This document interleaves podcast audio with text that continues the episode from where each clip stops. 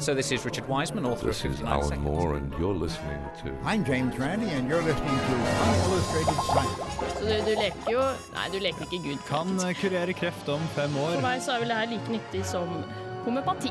Dødsannonsen. Forskningsnytt. Altså, jeg kan ikke lage en hårete planet. Nei, nei. Uillustrert vitenskap.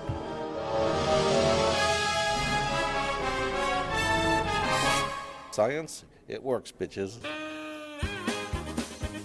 Tidligere vinnere har forsket på hvorfor hakkespetter ikke får hodepine, vist at rotter ikke alltid kan skille mellom baklengs japansk og baklengs nederlandsk, at selvmordsrater er korrelert med mengden countrymusikk som blir spilt på radio, og at malariamygg er like tiltrukket limburgerost som menneskeføtter.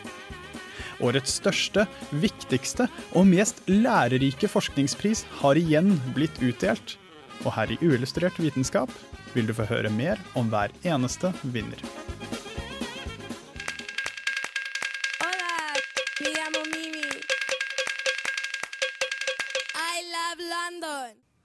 UK-aktuelle Crystal Fighters med I Love London fikk åpnet denne episoden av Uillustrert vitenskap. De spiller på Uka søndag 9. oktober i Storsalen. Det kan godt hende det er utsolgt, jeg vet ikke om det er utsolgt. Det er veldig mye som er utsolgt, eh, så gå på det hvis du syns det var kult. Men vi snakker først og fremst om vitenskap her i dette programmet. Jeg kan introdusere meg selv først også. Eh, Mitt navn er Ole Eivind Sigrud. Hei til deg.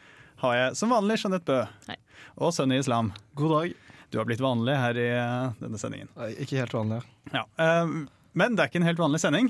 Vi har en eh, Ig Nobel spesial, den viktigste forskningsprisen. Det er i hvert fall den eneste vi bryr oss om og har vier en hel episode til. En hel sending. Eh, og vi skal ta for oss absolutt alle vinnerne. Først, eh, hva er eh, Ig Nobel? En skikkelig teit utdeling. Nei, Nei, jeg er litt halvt nå- Sunny. Nå, nå ødelegger du hele stemningen der. Kan vi, kan, vi, kan vi finne en ny? Eh, Ja, er stillingsutlysning. Stillingsutlysning. Er du interessert i å bli med i Illustrert vitenskap? Liker Eh, du liker du teit humor? Syns du Big Bang Theory er kjempegøy? Vær så snill, kom hit. Nei, Nei, nå er du Nei, Vi syns ikke Big Bang Theory er morsomt, men vi syns Ig Nobel er stas. Eh, Det er en pris til forskning som først får deg til å le, og så får deg til å tenke. Det Det mange vil kalle fjaseforskning, men her i Illustrert så mener vi jo at eh, slik forskning har noe for seg også. Og så, i år, det har skjedd før, eh, men det er lenge siden, så har vi en norsk vinner i Ig Nobel. Eh, Han mottok eh, prisen for psykologi. Vi gratulerer Carl Halvor Teigen, eh, professor i psykologi i- ved UiO. Han tok for så vidt ikke opp telefonen da Ole Eivind prøver å ringe deg, så vi har ikke så veldig godt forhold til han. Ja, nei, Vi prøvde å få et intervju, men uh, vi fikk ikke tak. Uh, beklager det. Men uh, hvis du er student eller kollega av Carl Halvor Teigen, eller hvis du lytter til selv, gratulerer så meget med Ig Nobelprisen. Eh, og eh, for å feire og markere det, så skal vi spille noe like helnorsk musikk, eh, nemlig Tåke. eh, kongen av sortmetall. I en da eksklusiv Radio Revolt banjo-edit. TNBM der. True Norwegian Banjo Metal.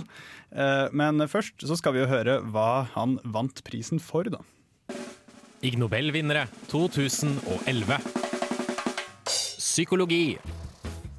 Psykologiprisen går til Carl Halvor Teigen, professor ved Psykologisk institutt ved Universitetet i Oslo. Han mottok prisen for å ha undersøkt hvorfor personer sukker. Hva fant han ut? Sukk er ofte utilsiktede og skjer i pausen etter en aktivitet, plan eller et ønske blir forkastet. Folk forbinder hovedsakelig sukk med negative, lavintensitets- og deaktiverte følelsestilstander. Sukk hos andre blir først og fremst oppfattet som triste, mens man tror sine egne sukk uttrykker at man gir opp. Radio Revolt.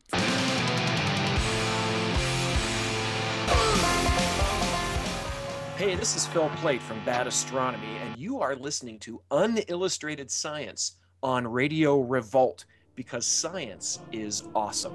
Dommedag, apokalypse, mandagsmorgen, år 2012, år 2000, år Sextus, år 1955 og Ragnarok. Dette her er samme bæsj med forskjellig innpakning. Verden skal jo gå under en eller annen gang, men når blir dette egentlig? Hvordan kom man fram til en dommedagsdato? Har vi noen nytte av slik informasjon, og hvem er det i det hele tatt som tar seg tid til å finne ut av slikt? Eskatologi er læren om verdens undergang og eventuelle gjenoppståelse. Læren spiller en stor rolle i mange av verdens religioner og mytologier. Det er også disse som står for de mest kreative dommedagsprofetiene. I norrøn mytologi f.eks. ender verden med ragnarok, som består av flere hendelser.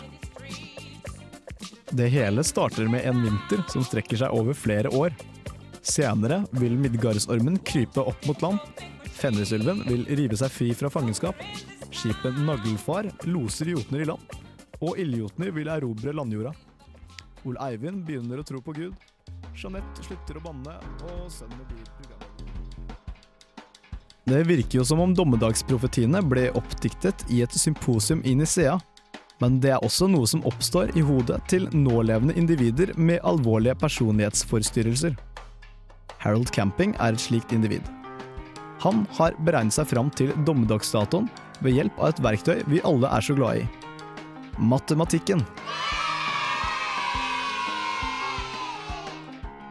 Harold Camping er faktisk så flink til å beregne seg fram til dommedagsdatoer at han har gjort dette opptil flere ganger.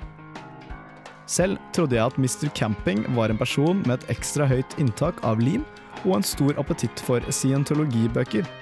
Men ifølge Wikipedia, den frie encyklopedi, er Camping faktisk ikke så ulik undertegnede.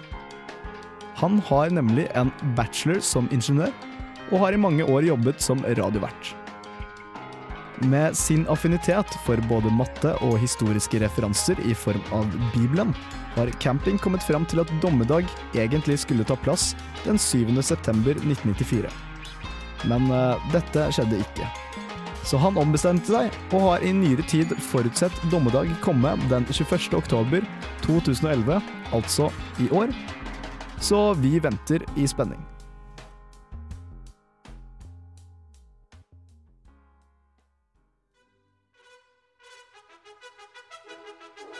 Harold Camping er en mann som har viet store deler av livet sitt på å klekke ut sannheter om universet, og han har sammen med radiokanalen sin brukt rundt 100 millioner dollar på å spre sitt budskap. Slike dyder går selvfølgelig ikke umerket hen. Derfor gikk Ig Nobelprisen i matematikk for 2011 til Dorothy Martin fra USA, som forutså verdens undergang i 1954. Pat Robertson fra USA, som forutså verdens undergang i 1982. Elizabeth Claire Prophet fra USA, som forutså verdens undergang i 1990. Lee Young Rim fra Korea, som forutså verdens undergang i 1992. Credonia Merinde fra Uganda, som forutså verdens undergang i 1999. Og Harold Camping fra USA, som forutså verdens undergang i 1994, og senere forutså verdens undergang i 2011. De får prisen for å ha lært menneskeheten at man må være forsiktig når man gjør matematiske kalkulasjoner og antagelser. Gratulerer!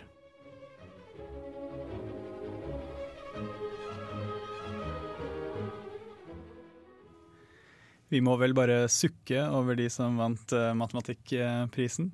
Men uh, dommedag det er et uh, tema vi liker veldig godt her i Uillustrert vitenskap. Vi har til og med hatt en hel dommedagsspesialsending.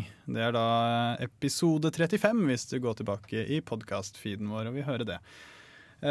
men disse som spådde dommedag, det har det vært mange av. Men hvorfor vinner de en matematikkpris? Nei, det er jo fordi at de, de tar jo feil. De har jo tatt feil ganske mange ganger, og jeg antar at når 21. oktober nå skjer om 15 dager, så tar camping feil nok en gang. Jeg syns det er helt fantastisk at du kan finne slike datoer bare med Bibelen og en sitt sin kalkulator. Du trenger ikke noe annet som teleskop eller noe annet. Men én ting, vi må jo ikke sette Kristi bås med camping. Fordi absolutt alle andre kirker de hadde allerede planlagt gudstjeneste 22. mai 2011.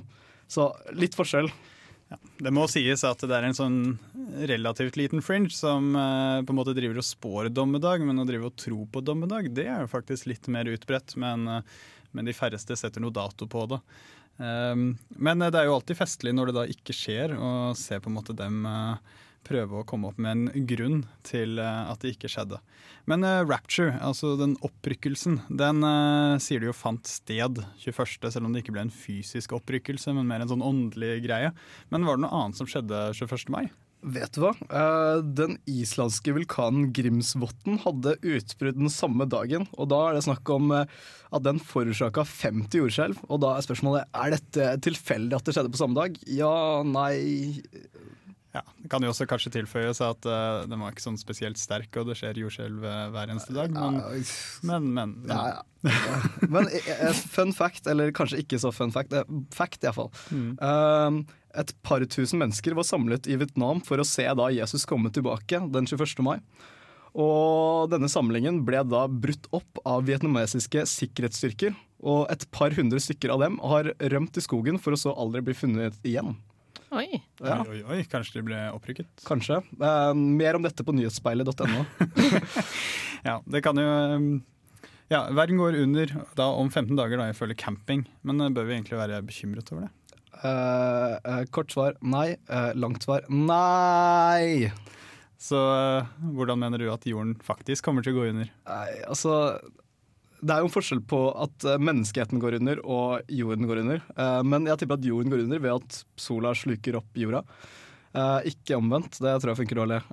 Eller så tror jeg at kanskje et himmellegeme som vi ikke kan se enda, kan krasje mot jorda, men da må det være temmelig stort. Du snakker om Nibiru, ikke sant?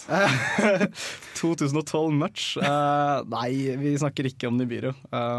Dette blir antageligvis litt senere. Eh, eller kanskje bare guden Shiva kommer og tar oss, jeg vet ikke. Ja, når det kommer til menneskenes utslettelse, så holder jeg en liten finger på kometer. Fordi vi har jo virkelig ikke noe arbeid på hvordan man skal unngå en eh, kommende komet. Det bør vi Husker du ikke filmen Armageddon? Ja, sant det. Vi har en veldig god plan. Sprenge den. Um, Med. Bruce Willis. Uka har jo allerede begynt. Eh, Det betyr at vi i tillegg til den gode Radio Revolt-musikken eh, snurrer litt av den gode uka-musikken. Vi skal høre Snoop Doggy Dog med G's and Hustlers, men eh, først så må vi jo få høre hva vinneren i kjemi gjorde. Ig Nobel-vinnere 2011. Kjemi. Årets kjemipris gikk til sju japanske forskere som har funnet den ideelle tettheten til flyvende wasabi.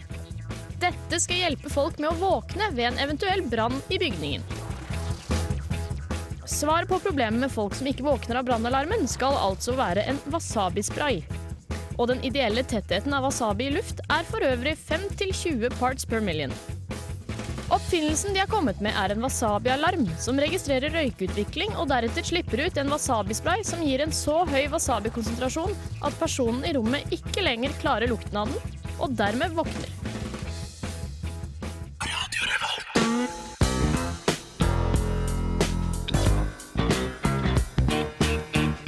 The G's and this is for the hustlers. This is for the hustlers, now back to the G's. This is for the G's and this is for the hustlers. This is for the hustlers, now back to the G's. Hva skal du studere? Hva vil du ha til middag? Hvilken åpningsreplikk skal du benytte på ukas speeddating? Og hvilket antrekk skal du ha på deg? Det er ikke alltid like lett å ta rett avgjørelse. Men hvordan påvirkes dette av å være skikkelig tissetrengt? Våre indre organer påvirker våre avgjørelser i mye større grad enn vi liker å tro. Eksempel kjøper vi mye mer mat på tom mage enn når vi er mette.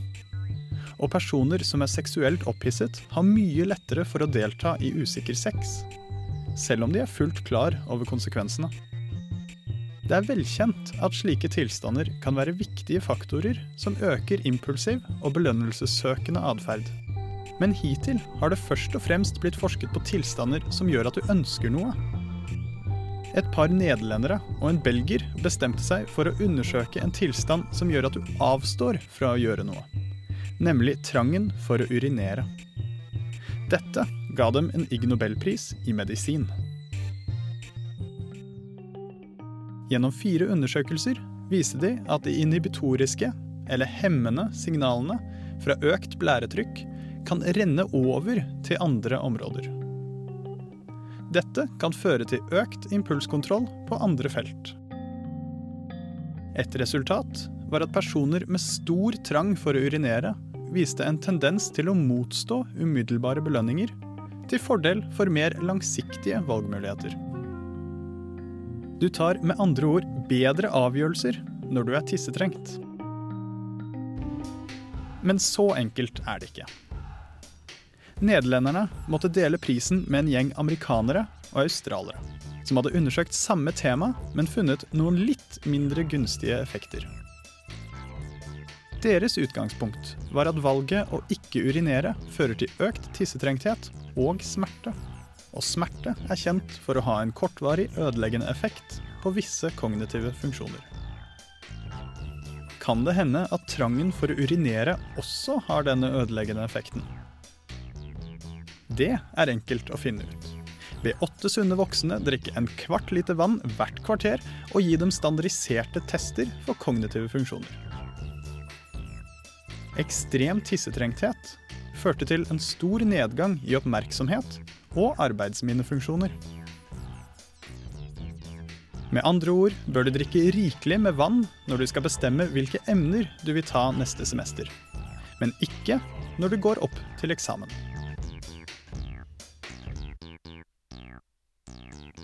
Uillustrert eh, topp tipp der, altså. Drikke vann når du eh, velger emner, men eh, pass på å gå på do før eksamen.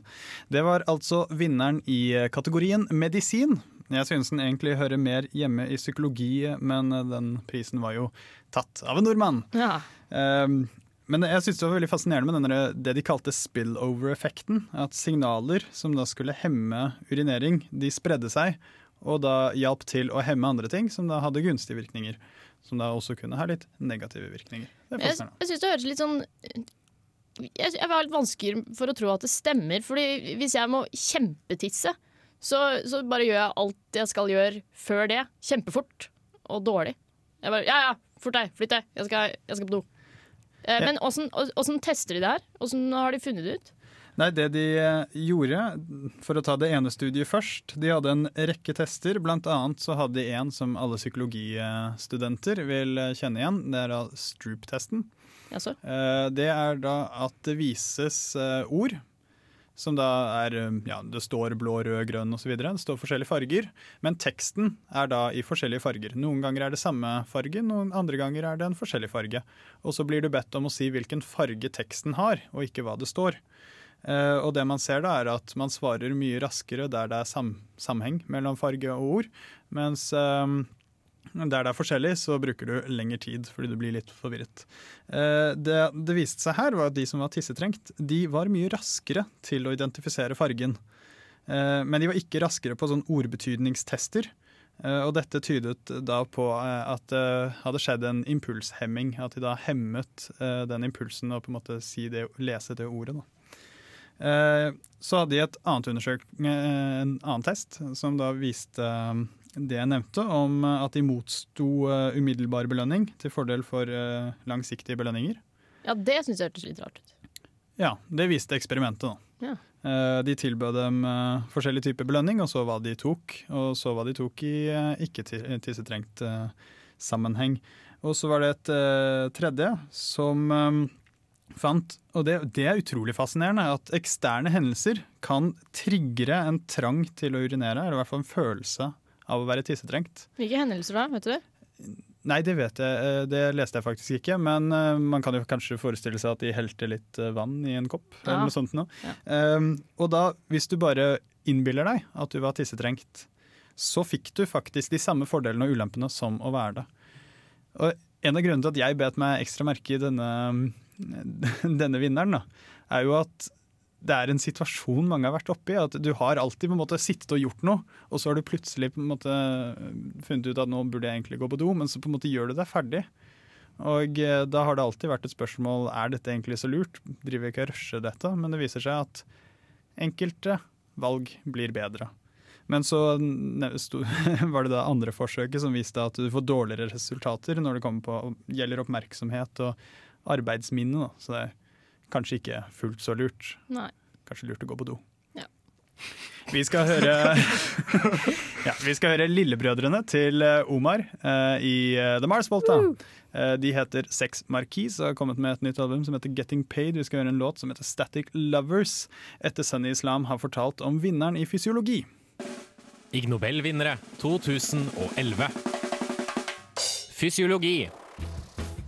Prisen gikk til et forskerteam med medlemmer fra Storbritannia, Nederland og Østerrike for å ha oppdaget at det fremdeles ikke finnes noen bevis for smittsom gjesping hos rødfotet landskilpadde.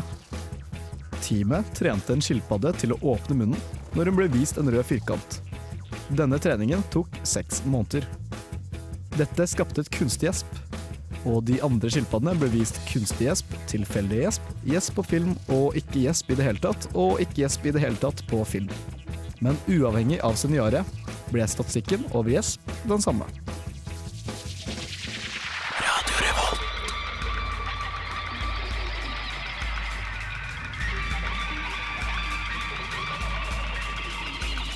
Ig Nobel-vinnere 2011.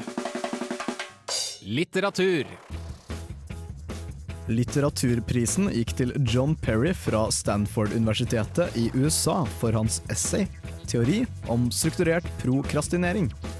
Det gjennomgående temaet i essayet er at man alltid må jobbe med noe viktig for å unngå å gjøre ting som er enda viktigere. Essayet ble faktisk skrevet i forbindelse med at Perry hadde en hel haug med innleveringer å rette. Dette viser oss bare at prokrastinering, satt i system, kan lede til noe godt. Som f.eks. en nobelpris. Eller en Ig Nobel, iallfall. Et eh, hett eh, tips igjen der i Illustrert vitenskap om eh, prokrastinering. Vi kjenner vel oss alle igjen? Uh, ja, um, det er litt morsomt fordi alle disse sakene, kløtsjene og ja, ble skrevet mens jeg hadde en mekanikkinnlevering og en matteinnlevering som skulle inn klokken to i dag. Altså uh, reportasjene, som de som lurer på hva kløtsjer er og sånn. Ja, det var litt meta for uh, de som Men fikk du, fikk, du levert, uh, fikk du levert det du skulle, da? Nei. Nei. Ja. Men det er et eh, godt tips. Vi alle prokrastinerer jo litt i varierende grad. Eh, Når du prokrastinerer, det er et eller annet kjempeviktig du utsetter, gjør noe annet som er litt mindre viktig. Eh, Det er et godt tips. Vi peiser videre i denne Ig Nobel-spesialen her i Illustrert vitenskap på Radio Revolt. Og nå skal dere få høre hvem som vant biologiprisen. Ig Nobel-vinnere 2011. Biologi. Kanadisk-australsk-britisk-amerikanske Daryl Gwynn og australsk-amerikaneren David Rentz mottok årets biologipris for å oppdage at en bestemt type praktbille hadde for vane å forsøke å pare seg med en bestemt type ølflaske. Refleksjonen på prikkene rundt flaskebunnen ble utpekt som årsaken til flaskenes sexappeal.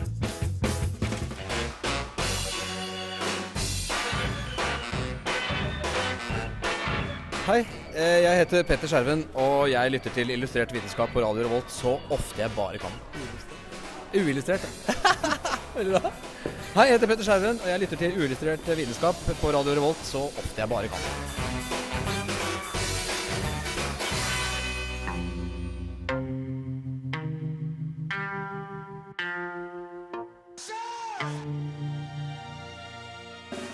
Ig Nobel-vinnere 2011. Offentlig sikkerhet. Prisen gikk til John Senders fra Universitetet i Toronto for å ha utført en serie med forsøk hvor en bilsjåfør ble midlertidig blindet ved at en skjerm gjentatte ganger passerte synsfeltet hans. Forsøkene viser at det er mulig å kjøre selv om konsentrasjonen din blir brutt ved jevne mellomrom. Så her er det bare å ta rattet og iPhonen fatt. Du lytter til eh, Uillustrert vitenskaps Ig Nobel spesial her på Radio Revolt. Vi fikk akkurat høre vinneren av eh, Offentlig sikkerhetsprisen. Det var jo litt sånn begrenset hvor eh, artig den var. Det bør i hvert fall ikke være et uillustrert topptipp, fordi vi anbefaler deg ikke å følge med på iPhonen din mens du kjører. Uh, unless du spiller Angry Birds, da er det lov. Mens du kjører? Ja, men, men det er en litt sånn festlig, festlig YouTube-film av, av det her eh, forsøket hans her. Hvor ja. han sitter med sånn dårlig skjerm som spretter foran ansiktet hans eh, mens han kjører bil. Men der er også en av de vinnerne eh, fra i år som jeg føler ikke er potensielle fremtidige nobelprisvinnere. Nei, fordi det har jo skjedd før. Ja. Um, blant annet han som levert, leviterte frosk og vant for det uh, for en god del år tilbake. Vant jo fysikk-nobelprisen i fjor. Uh, men sånn ellers, vi har jo vært gjennom ganske mange priser nå. Hva synes dere egentlig om årets vinnere sammenlagt med tidligere? Sammenlignet med tidligere. Det var litt mer, mer tull Ja. eh, i år enn det var i fjor. Jeg syns du burde følge opp med det at eh, det skal jo være en pris, eller det skal jo være forskning som først får deg til å le, og så tenke. Og det var mer får deg til å le enn får deg til å tenke i år. Ja, jeg vil også sende en eh, sånn liten skjerpings eh, over til eh, Harvard. Eh, tidligere har det vært utrolig mye kul forskning som også har vært helt hysterisk. Eh, det er fortsatt det i år. Det har vært mye flott, som psykologi, medisin, fysiologi og litteraturprisen, og litt flere. Eh, men det er litt for mange sånn tullete bidrag som er festlige og artige, men som ikke er så tankevekkende. Og så har de til og med litt flere i år enn vanlig som rett og slett ikke er forskning i det hele tatt. Og det skal jo eh, gå til forskning. Skal det ikke det? Nei. Ja. Men eh, vi Sier du at dommedagsprofetier ikke er forskning? Ja. Men akkurat den var litt morsom, da, for den var litt skeptisk. Det liker vi her i Ullustrert vitenskap. Um, det blir en liten pause med musikk. eh, veldig deilig stoner rock, eh, nederlandsk til og med. eh, før vi går videre med de siste vinnerne. Dette er Sungrazer med Wild Goose her på Radio Revolt. Du lytter til Ullustrert vitenskap.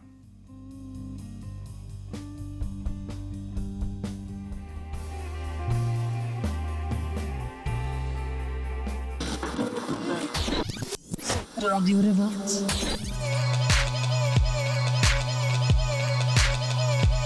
Årets fysikkpris gikk til fem forskere fra Frankrike og Nederland som har funnet ut grunnen til at diskoskastere blir svimle, mens sleggekastere ikke blir det.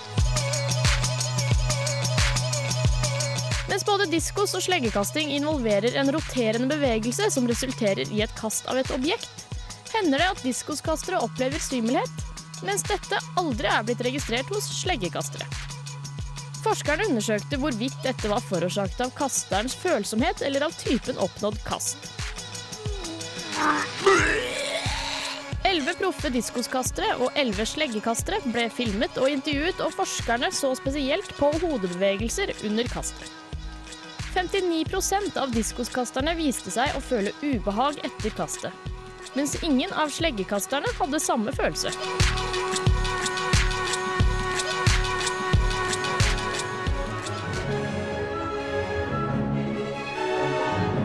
Mange av idrettsutøverne holdt på med begge grenene, utelukket forskerne individuell mottagelighet for svimmelhet. Videoene av utøverne viste at hodebevegelsene under begge typer kast var forskjellige.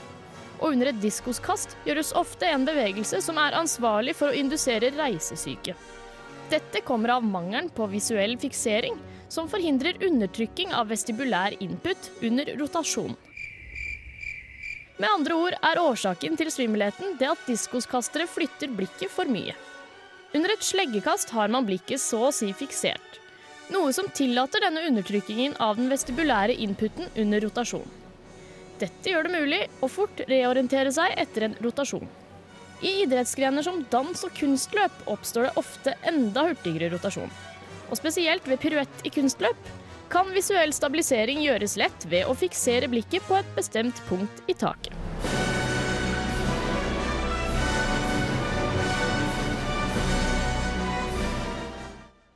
Vinnerne i fysikk der, og i utgangspunktet så er jeg jo enig i at det er litt snodig at diskuskastere blir svimle, mens sleggekastere ikke blir det.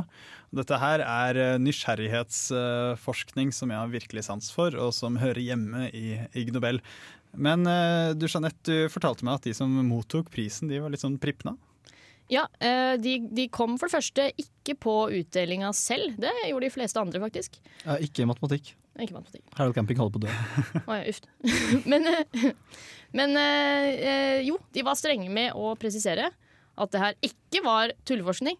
Selv om det virker litt uh, morsomt. De var veldig glade for å få prisen, da, sa de. Eh, men eh, de sa at det her er en del av et større og ikke så humoristisk prosjekt om å finne ut hvordan balansesystemet fungerer, spesielt hos idrettsutøvere og da sykehuspasienter, fordi de skal kurere en sånn balanse.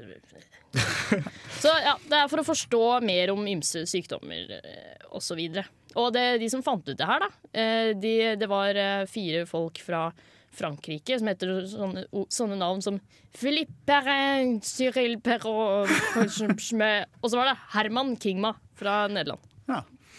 Nei, De har vel misforstått litt at eh, Ig Nobel i utgangspunktet skal ikke bare være tåpelig forskning. Alt, eh, all forskningen har jo stort sett en uh, tanke bak. Uh, Ja, det er men- litt spesielt å bli fornærma, Fordi de fikk jo en pris. Hmm.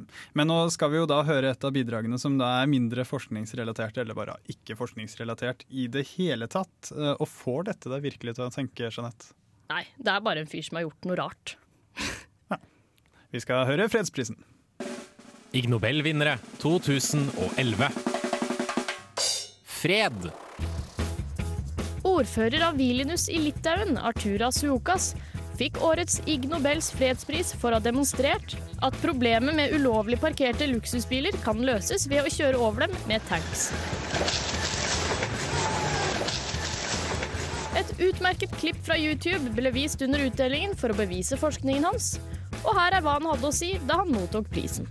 It seems that they have discovered what unites people around the globe, and is universally understood that an idiot blocking a bike lane is the same idiot no matter where he lives and what language he speaks.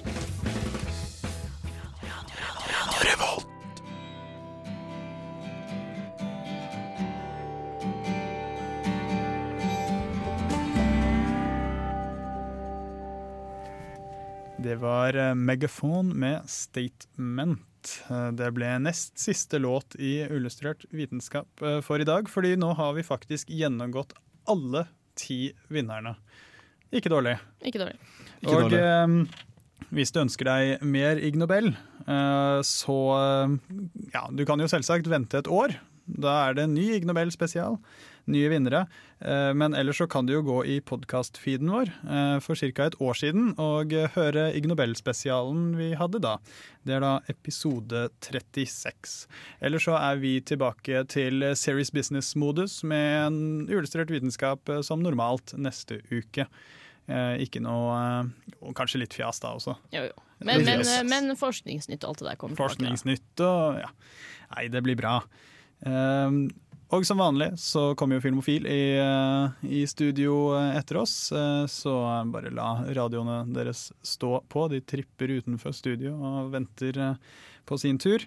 Eh, de skal annet eh, snakke om Abduction og The Help. Eh, hva- ja, Nei, jeg vet ikke hva, Hva er det de du prøver å si nå, Jeanette? jeg bare prøver å finne ut hva de, For, hva de de filmene er, handler om. for de som er Jacob-fan av Twilight, så spiller da Jacob fra Twilight i Abduction. Oi, oi, oi. Good shit. Ja, nei, men Det betyr at uh, vi må bli sittende og høre på Filmofil. Uh, men eh, en spesiell programanbefaling her på Radio Revolt. det er jo uka. Og eh, Radio Revolt har sine røtter tilbake på sånn 30-tallet. Da hadde vi ukesenderen eh, hver uke en periode. Og så etter hvert så ble det Studentradioen i 1984. Liten historieleksjon der. Og vi har gjenopplivet ukesenderen. Det er et eh, eget program som kommer til å gå hver søndag. Det hadde en episode allerede nå forrige søndag. Som ligger i eh, radioarkivet på Radio Revolts nettsider. Eh, dette er da et program som tar for seg det som kommer til å skje, og det som har vært eh, under uka. Kommer med anbefaling til de konsertene du kanskje ikke var klar over. og spiller mye god uka-musikk, og så blir det jo en haugevis med konkurranser, antagelig. Jeg har annet ordnet at eh, det blir eh, fire billetter til eh, E-Type som kan Yes! vinnes i ukesenderen.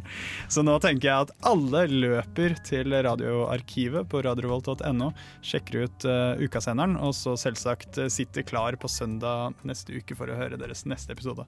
Jeg tror det blir knallbra.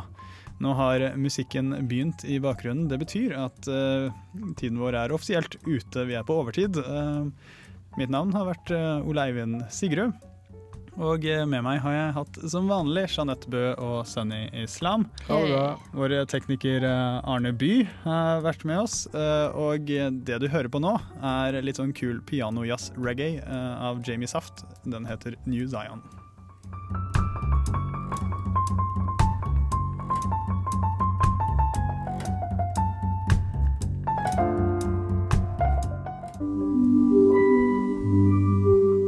Uillustrert vitenskap er Midt-Norges eneste teknologimagasin på lokalradio. Og vi snakker om alt fra populærvitenskap til sære forskningsprosjekt ved NTNU. Radio Revolt, studentradioen i Trondheim, er stolt av å kunne presentere podkaster fra de aller mest populære programmene våre. Hvis du har lyst til å høre mer fra Radio Revolt, hvem vi er og hva slags musikk vi spiller, så kan du høre oss på FM-båndet i Trondheimsregionen, eller streame sendingene våre live på radiorevolt.no.